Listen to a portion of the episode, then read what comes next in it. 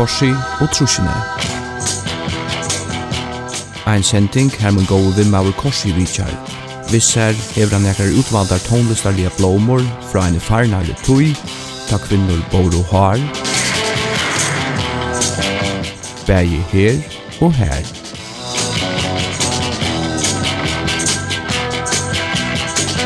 Vi er velkommen til en ena senderøv i Korsi og Trusjnån, Nu er det så att jag sitter ensam att i studiet.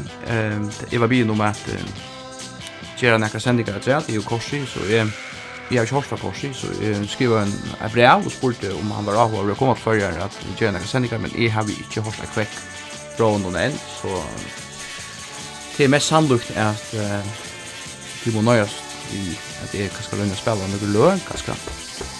Jeg kom inn. Hallo. Hallo.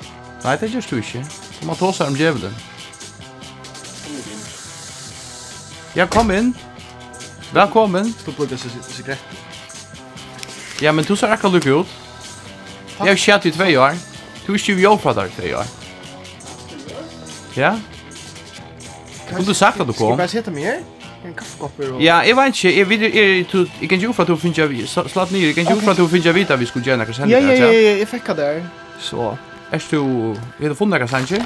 Ja, man, jeg er. Jeg ætler faktisk å checka det ut. Yeah, I grew up on the crime side, the New York Times side. Staying alive was no job. Eh, okej, okay, kanske eh uh... So then we moved the Shallon. Altså, hva er det här för något? Go to low goose only way I begin to G. Att det är trusha musik, det är det är David man. And that one pulling out gats for. Vad är det här? Men legger du mest til, uh, legger du ikke mest til, uh, til denne klaverier og... Jeg vet så mye som at det var ikke sanger fra Trusjen. Nei, nei, man. Hæ? Nei, jeg hadde, jeg hadde Wu-Tang Clan, at jeg hadde fra 93. Ok, så du misjer nok, at um, vi brev noe som du fikk, her var at vi skulle gjøre korsi og Trusjene, vi skulle ikke gjøre korsi og nøytjørene. Jeg har nok annet skår. Jeg har nok annet annet vise der, så kanskje til uh, sørst alle myndene da. Okay. Det är ett en balkar som heter som heter The Charmels. Låt mig gå checka det ut så förklarar resten sen.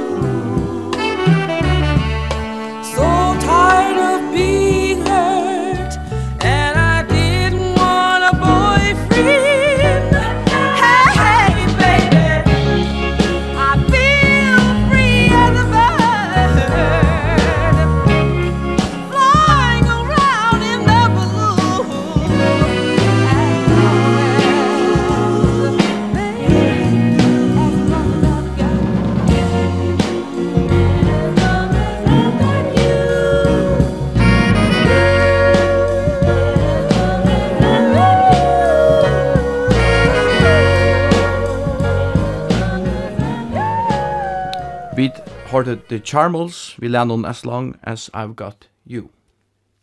Tenker du det nå? Eller du og du at... Uh, har du, la meg spyrja, har du nekka ljóa i kjent der? Ja, jeg hadde jo veikart hva hende nå. Uh, klaveret fra at du fyrra brått noen gonger etter. Mm -hmm. Men jeg vet ikke hva du vil til det. Det som, han som har gjort denne sangen ur Wu-Tang Clan, som heter... uh, som heter Rissa, han, han gjennekker sin bit någon han är tidsi och det som var gåen gerande som alle eitra sampla uh, heter her. Just en her før noen uh, Charmels leie fra, fra Kjeitrush og jeg hoksa jeg og her vi hoksa at det her vi um, vi nekkene som er kjente menga kjente til dømes hiphop ikke nei torvilja uh, løvenon som ja, som vi alt kjenner og kanskje takka for givet er at uh, till något sånt nej vad att gängande är att att man hör faktiskt att det är från Trushen där som där sampla. Det är något typiskt man hör det är typiskt från från tjejer till Arnon men men men det är slog en Trushen och det nej vad hörs så det som det som jag att få fram i Jesus sentingen. Vi kan se det på tammat. Det är att Jag sier hei, tjekk det her kjenta hiphop-leie ut, og varskast, det er faktisk her at Jeg som fører noen klavere og røttene i byrjanene, som det er eisen hitje fra Charmels, det er kortere i byrjanene og i Woodtank-lennon. Til her det kommer fra, det hele. Vi gjør noen tog mat til å si, for noen årsaker, men det kommer jo alltid vi, vi maner. Ja, ganske, ganske, ja. Munjor.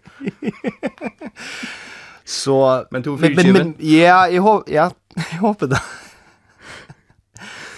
Ja, men hade jag som en spännande, hade jag ju inte rätt över.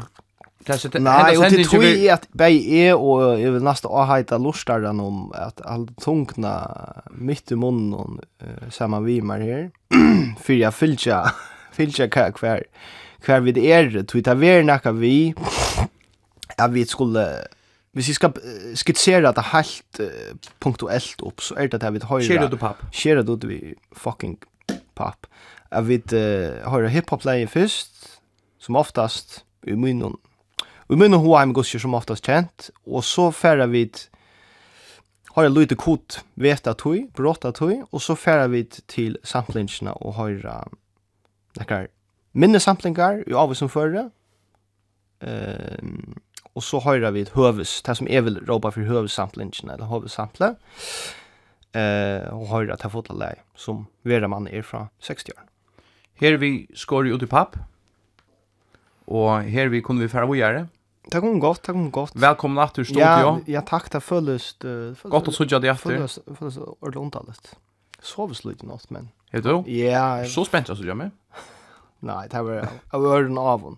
Nå, jeg får ikke spyrre. Nei, det tror jeg ikke. Det kommer vi prate om ta, i den neste samplingen i gang. Det kom godt. Vi skal høre et, et av munnen... Uh, Men under Indus Dela Dela Soul at det uh, som är vet en god vän så så mer som Hendrik uh, Rubiksen. Vi där men kan dra det ska till uh, till Dela Soul där och kväll där vi skulle fullständigt efter bild. Så vi skulle höra att läsa med Jennifer Taught Me ehm från Nudgefors Det som vi skulle lägga mest till i sån här del av solen och vi kan höra vi kan höra upp till en 20 sekund till er um, till er, till er sån här fight uh, fight gitarr som körer och så ända ner Heter rötten. China Dame som som som man samplar som jag kan lägga förklara om man om man har lust men checka lucka det där det är hade Jennifer taught me uh, cha cha de la soul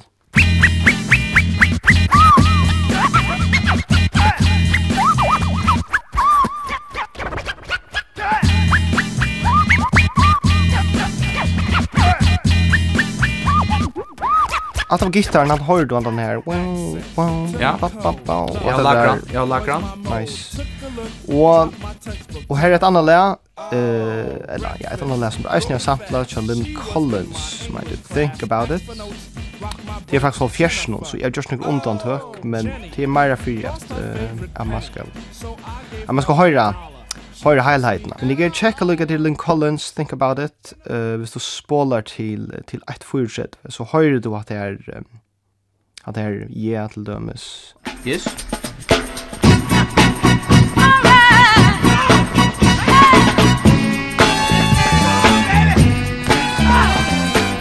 Så det var bæja til her, yeah, og i bakgrunden, og, og så her, um, saxofon trompeterna aktigt tinjar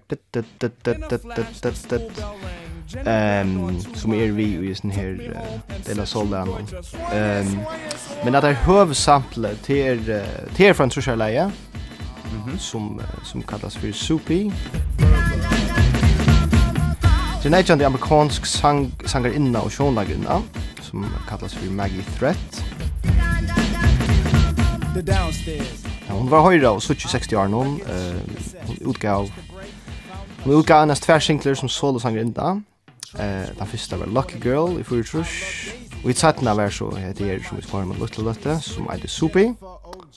Og da har hun brøtt, eh, brøtt så kunstnernavn til det her Maggie Threat heite. Og det gjør det stedet et mini-hit i USA, eh, var utgivet i Dyna Voice, platefella igjen. Og så kan i høskande kanskje nevna eh, her at enda arm vi skal høre Sopi, eh, at som sjånlager inna er hon eh, mittel anna kjent eh, fra bei sjånvarpsrøvun, så som Star Trek, mm. og i ein og parste, eh, omframt imsom filmen. Og jeg halte det som vi skulle, utan jeg skal si hva jeg skulle skulle gjøre, men prøver å lage mest til en av sera feita solrød. Altså, hon er en kvitt, hon er ikke afro afroamerikansk, men hon hever i her i så reale feita solrødene. Og jeg ser det godt le, som jeg er trøtt fra 1935.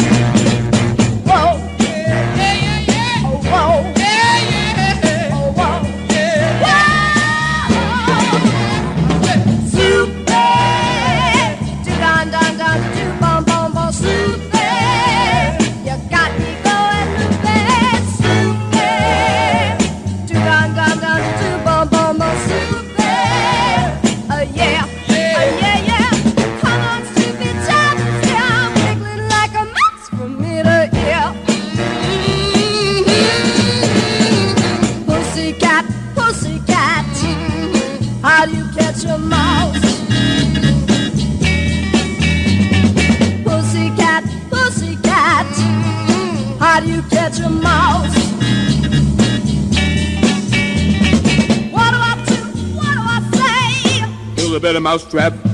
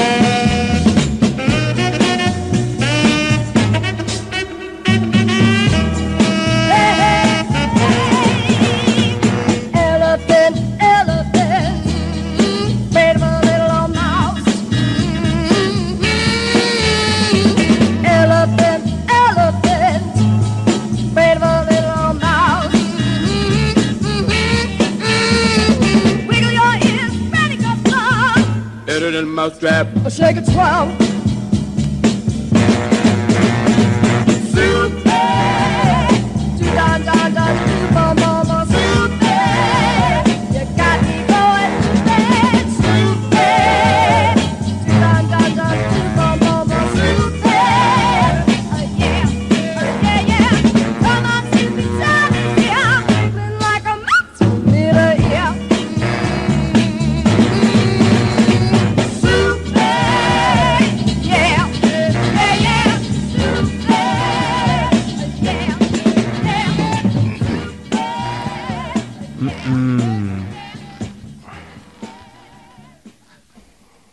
orsaka. Eh eh jag har sitter ju hukt efter Maki så jag miste fullständigt tog just det orsaka.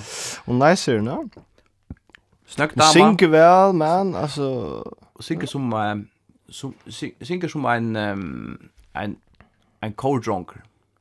Alltså på dagomatan. Faktiskt. Elephant, elephant, super. Ja, ja, ja. Men hon säger ju som en drunker, det kan du så helst säga. Nej. Wow. Tvärst emot. Så det var bäge orsaka, men det var bäge att det här tamburinen och så trummorna. Ja, och så var det så gitarren. Ja. Han var eisen härifrån. Ja, okej. Okay. Och så hade det bara och i min det Marcus Scher eh kota det för skon Eva och så hade där alltså att ta petti av en original Sanche för trus någon. Ja, jag så vi ser tired att också typiskt om hiphop Sanche. Det är liksom en mans mans dominerar vi alla förn. Ja. I stora mål. Ja. Så ta där så ja, härifrån och här till. Hatta ljófætt. Hatta ljófætt. Hatta brúka vit. Hatta brúka vit. Tí sjústa spela ta inn av nudjon. Det brukar simpelthen det gamla eller hur säger? Ja, ja, ja, som du säger, ta han maten som, som du säger det här är, är Han är rattig. Han är rattig, och det är godskyrkor som man uh, hur görsta upp, uppronade ja. Eller, mm. På de traditionella matarna, att man säger, hej, här har vi funnit några märsliga, märsliga LP och hetta ljóar. Hetta ljóar, och det är spännande, och hetta är rikka väl, det här läge, och så ljóar jag gitarren väl, jag trummorna väl, etla. Så det har vi eisen hooks om att det här som kan göra alla ser processerna hvis vi tar så om om det här man man man ska göra ett hiphop rap.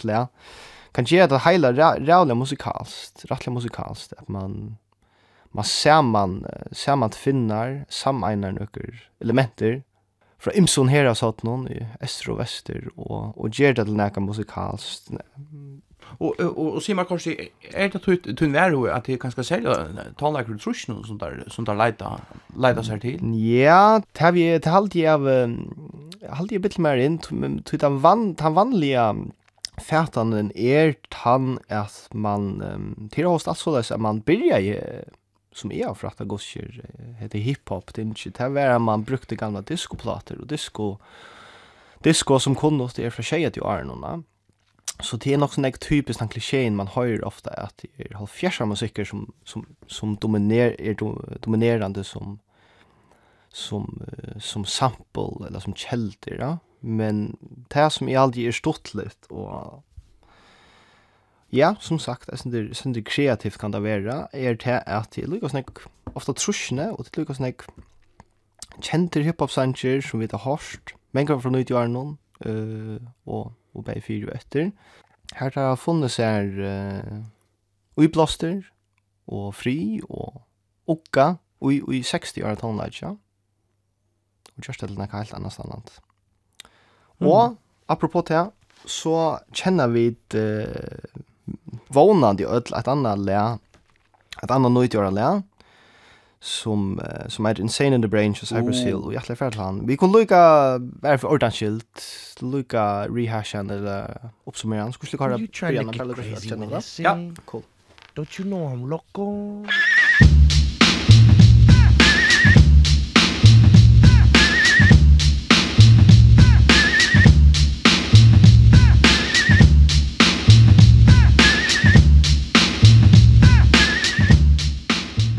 så är vi igång. Mm. Nu rullar maskinen.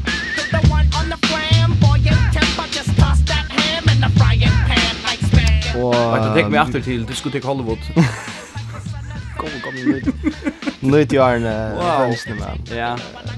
Det är slags video ja, så pussified uh, MTV ja.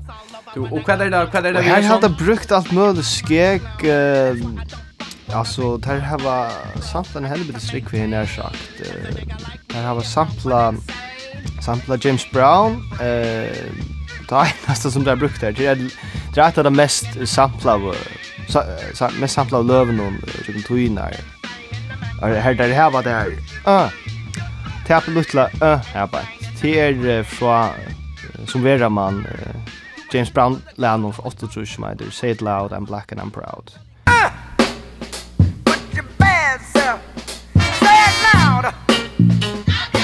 Ja, det er sampla, det er eisen sampla Sly and the Family Stone, som er, uh, som vi eisen blir trusnum, kanskje mest kjente fra halvfjersnum.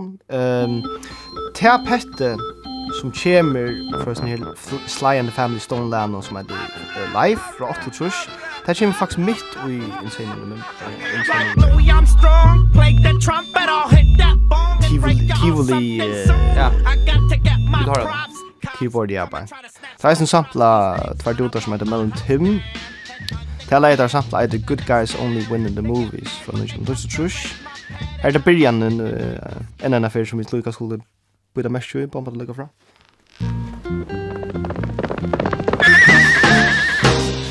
Alltså du menar vi du menar vi hästen där. Mhm. Okej, låt lukka höra början att till ehm Insane in the Brain lukka höra så jag. Ja. Alltså jag fall att falla att det var nästan hästen här så när sagt och fan det att en häst. Jag tror då. Ja, det är för nu i huset. Ja, är det en häst där brukar. Jag tar bara cross scratch. Det är det slett i rövish.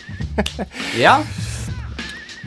Det har eisen brukt, det har brukt andre ting eisen som, som vi kvarst hava tog eller ho eller nekka høyra som The Young Bloods, All Over The World, til er petty som bare er i video uh, versjonene, videoleie. How Insane in the Brain? Ja, oh, ja. Uh, og der har brukt Bujo Banton, og så har der faktisk eisen Cypress Hill i sin her sannsjonen, og har det gjørst i øren eisen i fire og etter, ganske mest etter, det var nok så brygjande, uh, brukt, vi har som før noen tru sample, eller tidsit, og sample trutja egna, egna sannsjonen. Uh, oh, altså, det kopierer seg sjálva? Ja, faktisk, til teka, teka små Petrus egna sannsjonen kort og is, det er så ølja. Ja. Man ska se att till man blir alltså blir insane in the brain att hur. Ja. Det som är hövsample som som jag hade vid som jag hade vid borde hört allt allt allt läge ja från 60 år någon från 60 år till från 6 och trusch och till är här att hövsbyte och alltså vad säger man grunden eller trummorna kommer från till är till från läge George Semper en en solo jazz eh, artister tutor som er virkelig 60 år någon. Han, um, han gav uh, ut en plate som heter Making Waves, 6.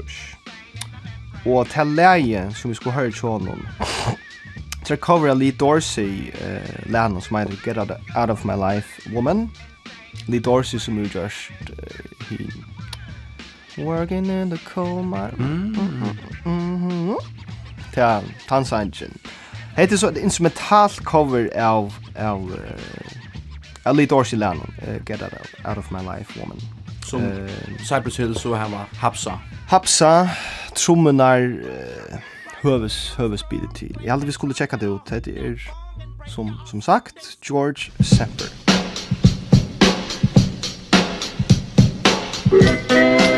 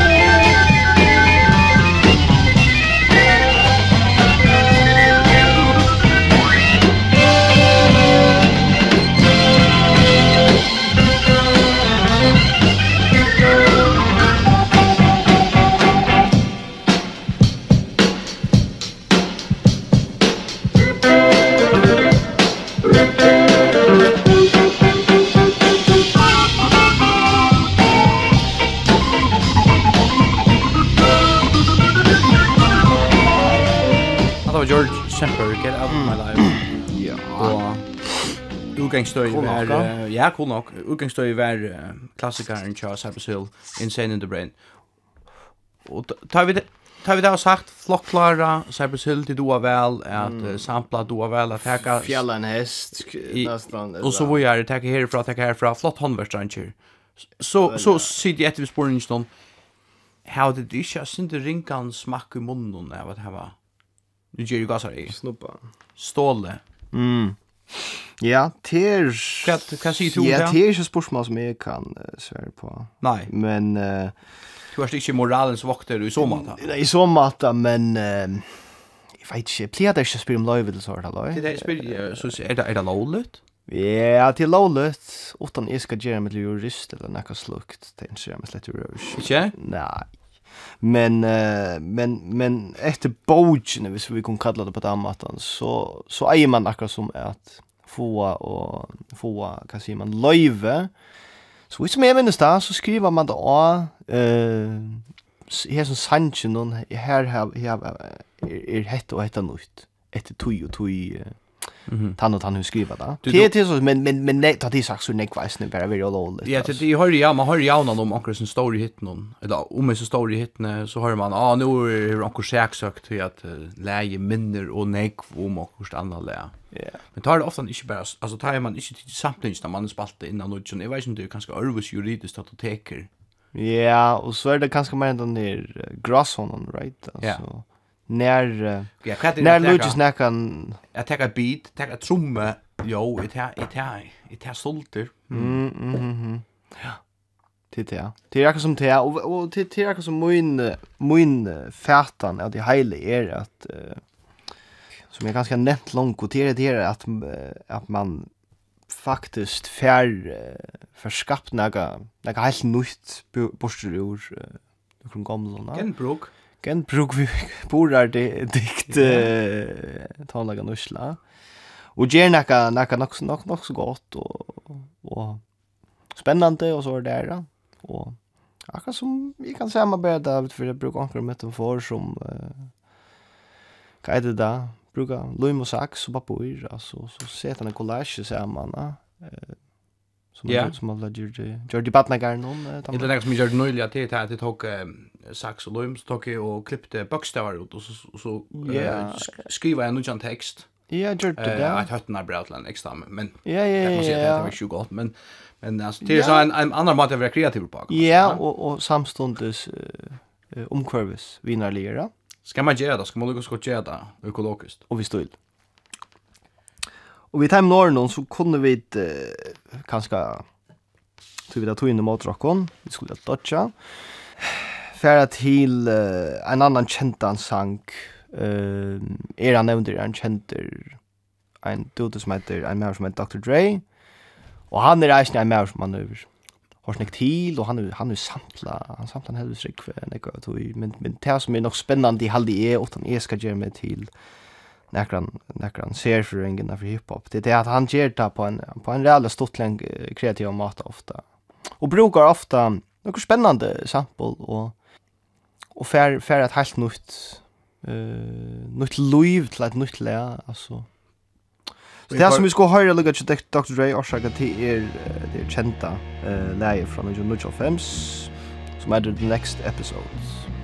Lugga checka det ut. Vi minnas det. Ta ta som man lever teach till. Jag vet inte man kan kalla det för nästan en cover men men det är jag sen den gränsen med att kemi rätt att kalla det cover men men han teach alltså början alltså vöker störsliten eh nästan episka början som börjar nästan till en film eller som jag som a sheep som nästan lägger till kai boom att brum med det. Du kunde gå höra dem efter till det.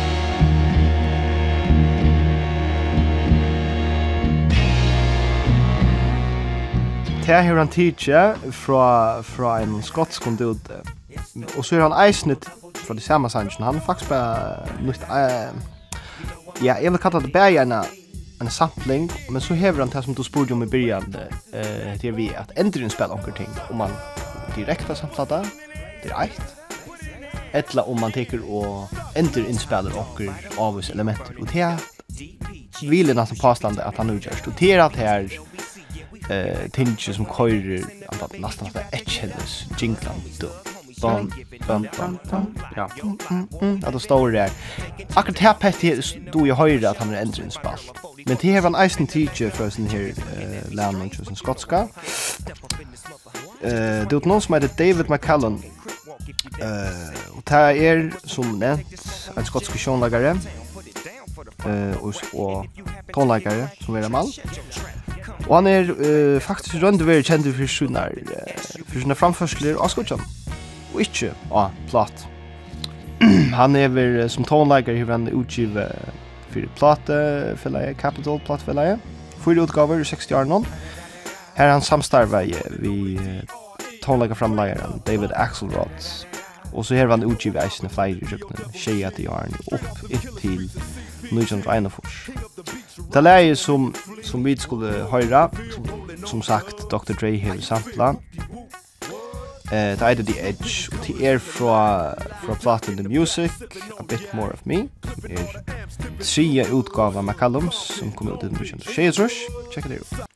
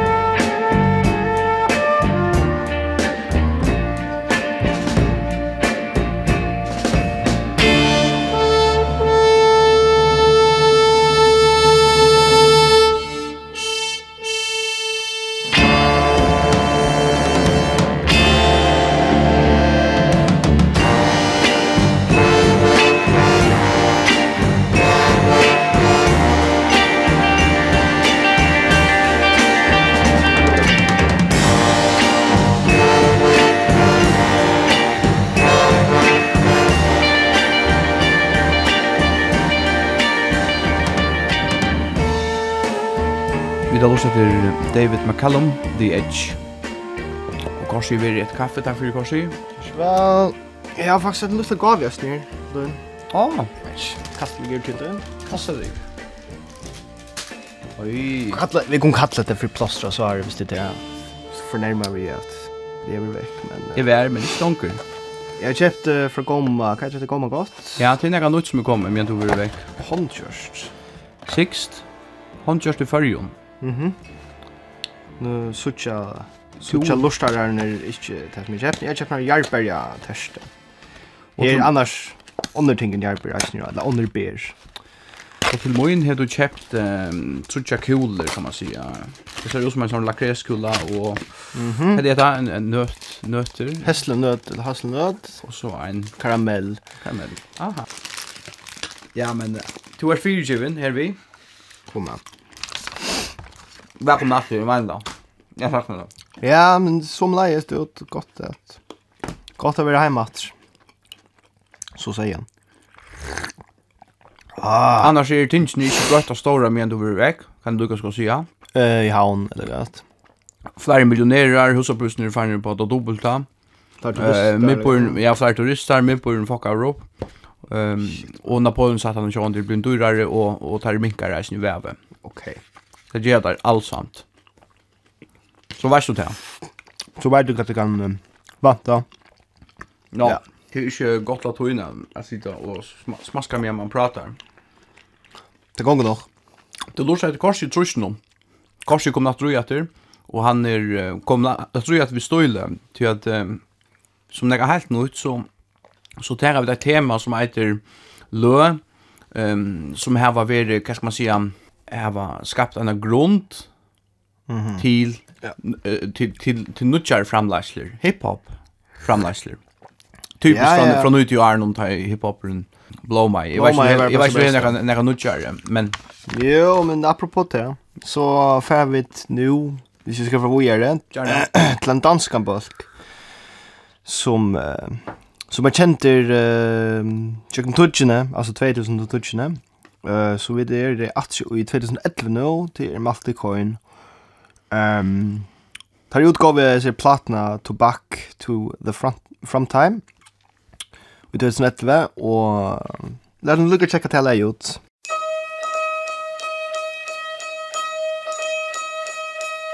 Every Butchinti Street. Get der rundt to de funke. I det år frem i tiden, der var dagen i dag Den skete for... Dempa, dempa, dempa I års ikke fire danskon håndleitje Og alla rikas danskon rap håndleitje Så nega danskar ikke doa, så er det rappa Men det er doa stjala, og det er jo hese doa eisne Kan det, kan det her stål i her? Jeg som før nå, så er talan om Om Ja, faktisk en amerikansk Hva sier man? Lid, åtta mann, fyrir en bak Men han kallas for Ray Conniff Og um, han er best kjenter under Ray Conniff and the Singers um, heiter noen som uh, var en sånn manning eller en bøkker som er stående nu Joel Trush og var aktiv uh, Japan 60 år. Her var faktisk heile 12 kvinner og 13 menn som manna og uh, Ray Conniff and the Singers. Og så her var um, Tolka, Richard Cover, Eimson Sonkon. Og jeg som her fører noen forteller han om Wichita Lineman. Uh, og til å ikke omtale takk at til eisen er Cover, uh, fra Glenn Campbell, den. Og det kom ut av året 4, altså i 8 trus. Og det som Martin Coyne har brukt er bare at det hoa Rinju, rinju ljå. Din, din, din, din, din, din. Og så akkurat som her var det nok bare letta kors og, og kota det av og åren der skifter, kan si man tona, tona. Uh, så man har jo bare kor, og trompeterna, og Og så er det bare är rap og divet ja. Um, men ja, det er faktisk det eneste samtidig som vi i Jesu Landon. Det er The Witch of the Lineman.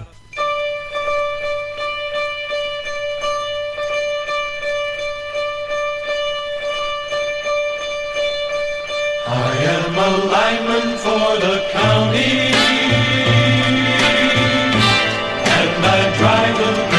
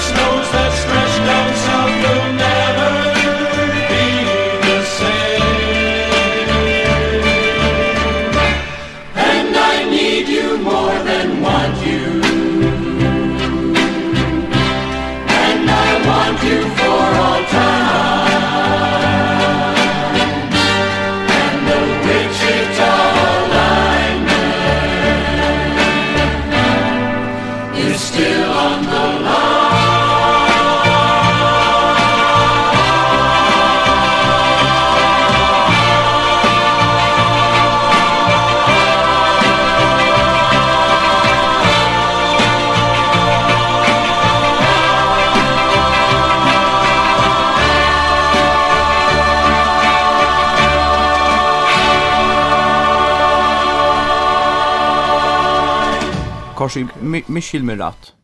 Men och du vet att det är vi på allt det gröna shit och cirkus och och är också för cirkus men okej mjölpåsar och allt det där och kokosolja på har och och jag kompost hemma och så vidare. Men jeg som ikke skilje, hvor skal du, og sjående kan du si at ja, men det er genbruk, og det er godt, og deilig, vi går for omkvarve, og så videre. Men nå tar av den tonelike, vi tar vi om digitale tonelike, så argumentet er heldig ikke ordentlig det ene som sitter etter er et falskene som ståle.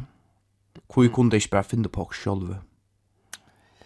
Tui at... Uh, ja, kom jo. Jeg, jeg, kom jo. For det første så Jerry er ikke som så... Hvordan sier ikke aktivt, eller kan man si. Slå ikke han like og sample, men... Men jeg umynte mer til er nemlig... For jeg ble igjen, det kan man sjålvann, etter... Musikalsk ut, og... Um, ta ta må vara mot mot ja, if you will, uh, är ju at uh, at det är något vi tar gör att tui inte tui men tui tui vi står i men där finner det gala isne till att annan joma för från trusnon eller fjärsen eller håll trusnon du kan bara inte skapa det ja Ikke på samme samma. Ändå skapa det? Ikke på samme måte, tykker vi. Kopiera vi matta. Det är det vi då nu gör. Ja, og fjälla det. Som Aaron sier, at vara kreativ det är bara att då fjälla sina yes. sina sources eller sina sina, sina källor ja. Men det är näka vet här vi vi är trickväsent en nek en stor pastor att du er eh mentan och inte en pastor mentan alltså vi till Rockheim och vi till Papheim och vi till Ockar mentan. Kunde jag bara det grund i en pastor mentan. Ja. Kunde jag bara det indianer i en pastor mentan. Skulle drepa det kåpar, jag passar inte han. Ja, det var bojligt, jag köper det inte. Kanske, men okej. Men det låg fast fasta lugga. Vi får, vi får gå en tonlag på sjurus nu och... Mhm. Och apropå gå en tonlag, eh, så färar vi nu från Danmark eh, till staten här efter. Och till nöjt i åren efter, eller femsne. Och en annan sang som bär jag vara sutt och höra nek ta. Eh, som heter... Eller, ja, en bulk som heter Salt and Pepper. Oh. Ehm och det är sånt eh ja, jag aldrig står i som munnen från Fotland där så jag hitte. Som är the waterman. Jag var förälskad då så första. Ja, och Sjöman. Och i kvarjar öll öllen sen kasta eller kan det vara att han en som är stått här? Hon, hon var fräck. Så låt dig lucka checka få få lucka ända ända fruska. Pulsen upp. Ja, och ända fruska minne. Checka what det menar.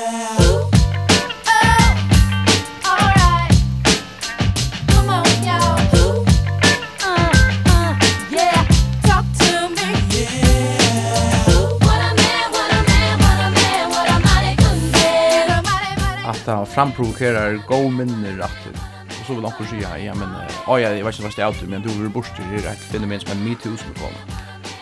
Så är det det jag släpper inte att vi släpper inte att det kära för nej och fokusera på utkön. Jag ska det är för nu hade gott att det tar rätt att göras. Ett några damer som kör på att och prata om utköntarna som mannen. Ja. Är inte me too, you do absolut. Och och säkert vet ju lärn så så vill nästan se att det nya ger han mot kallt men det typ vi snackar som mannen för mellan. Nej, det är ju åtta där då. Anyways. Det är låprisa, låprisa kon annan. Låprisa mannen. Låsånger till mannen. I guess, alltså det. Tack hejte, ja. Men jag snär för någon är det faktiskt bär i talen om en sampling och en endertulching eller en cover av jag var en äldre lärare för Trushen som uh, som en amerikansk eh sangarinna som heter Linda Lindell Hemi Josh. Eh till en annan affär en, en talan om en kvita soul sangarinna nästan åttan av era för och kort vi sa när jag myskare, eh damen Och det är uh, lärd henne från 1988 som äter What a Man. Eh, och så lär som eh Dave Crawford har skriva och det var sjätte single Lindells eh, som är utgiven via Stax eh, Records Vault. Så jag hade vi skulle bara checka det ut. Det är Luigi's faktiskt nästan mer eller mindre helt precis uh, salt and pepper. det nå. Jo, det att at, at det er rappet det nå. Men uh, Linda Lindell, heter är är jeg, jeg, faktisk, jeg, faktisk,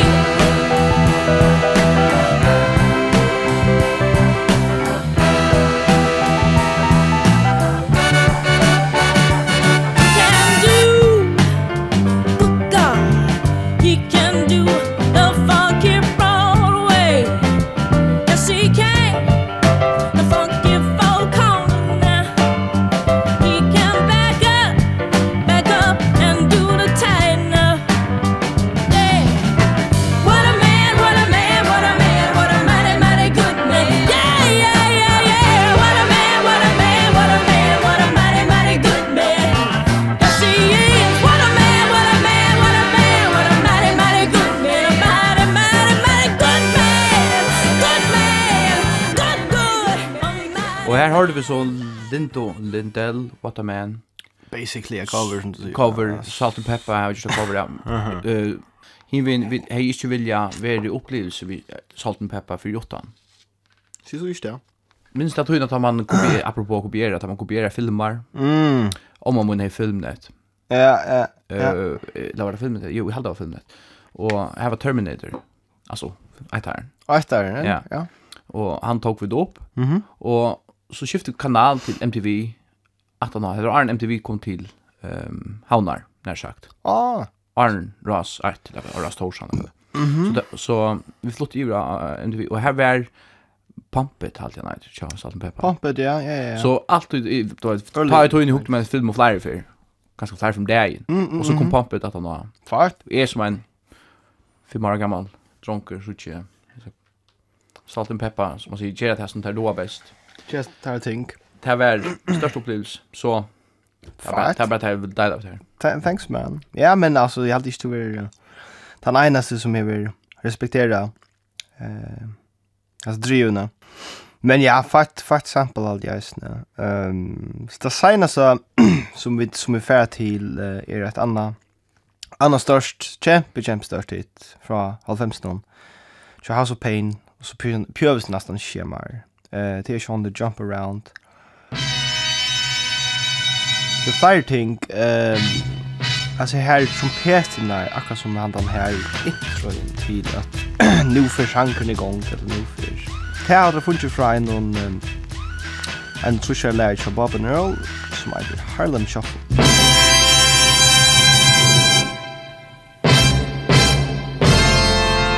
Og um, det kan også breise brukt uh, til er, um, et Chubby Checker-lær fra 1922. Ehm, er eisne byrjane, til er, til er, til er skeka klaver som, som spiller, sånt. Prøv å gå.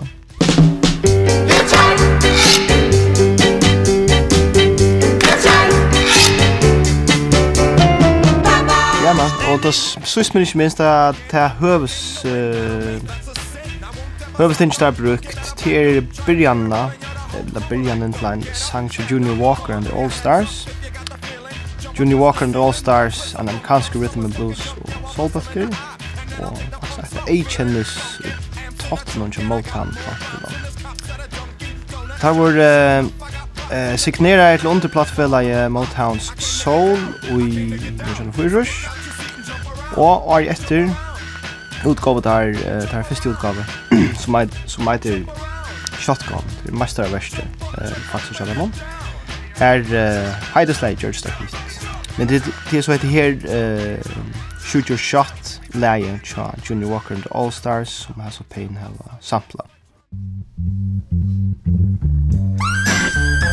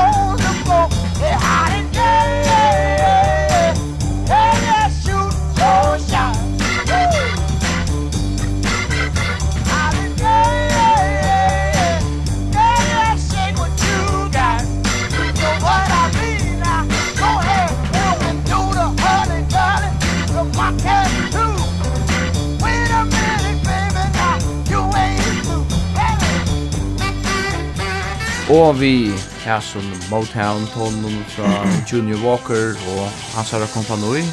Leie Shoot Your Shots og enda i Ja, du. Henda sendingen. Og vi nu ikke røyene, vi har forplikt opp mot å gjøre fem parstar. Jeg husker for ut i neste vik. Ok, ja. Et som det sommer. Men det är som när Väcker ut nå. Er Det får lite mer. Ja, det jag vi ha bruk for det listor som du på samla kan man säga. Så tog nog kvar är finne et tema. Cool. Og tog nog kvar är finne et sted. Lokasjon. Lokation. Utanför havn. Nej, inte utanför havn. Utanför ett hus men i havn. Utanför det fucking stod.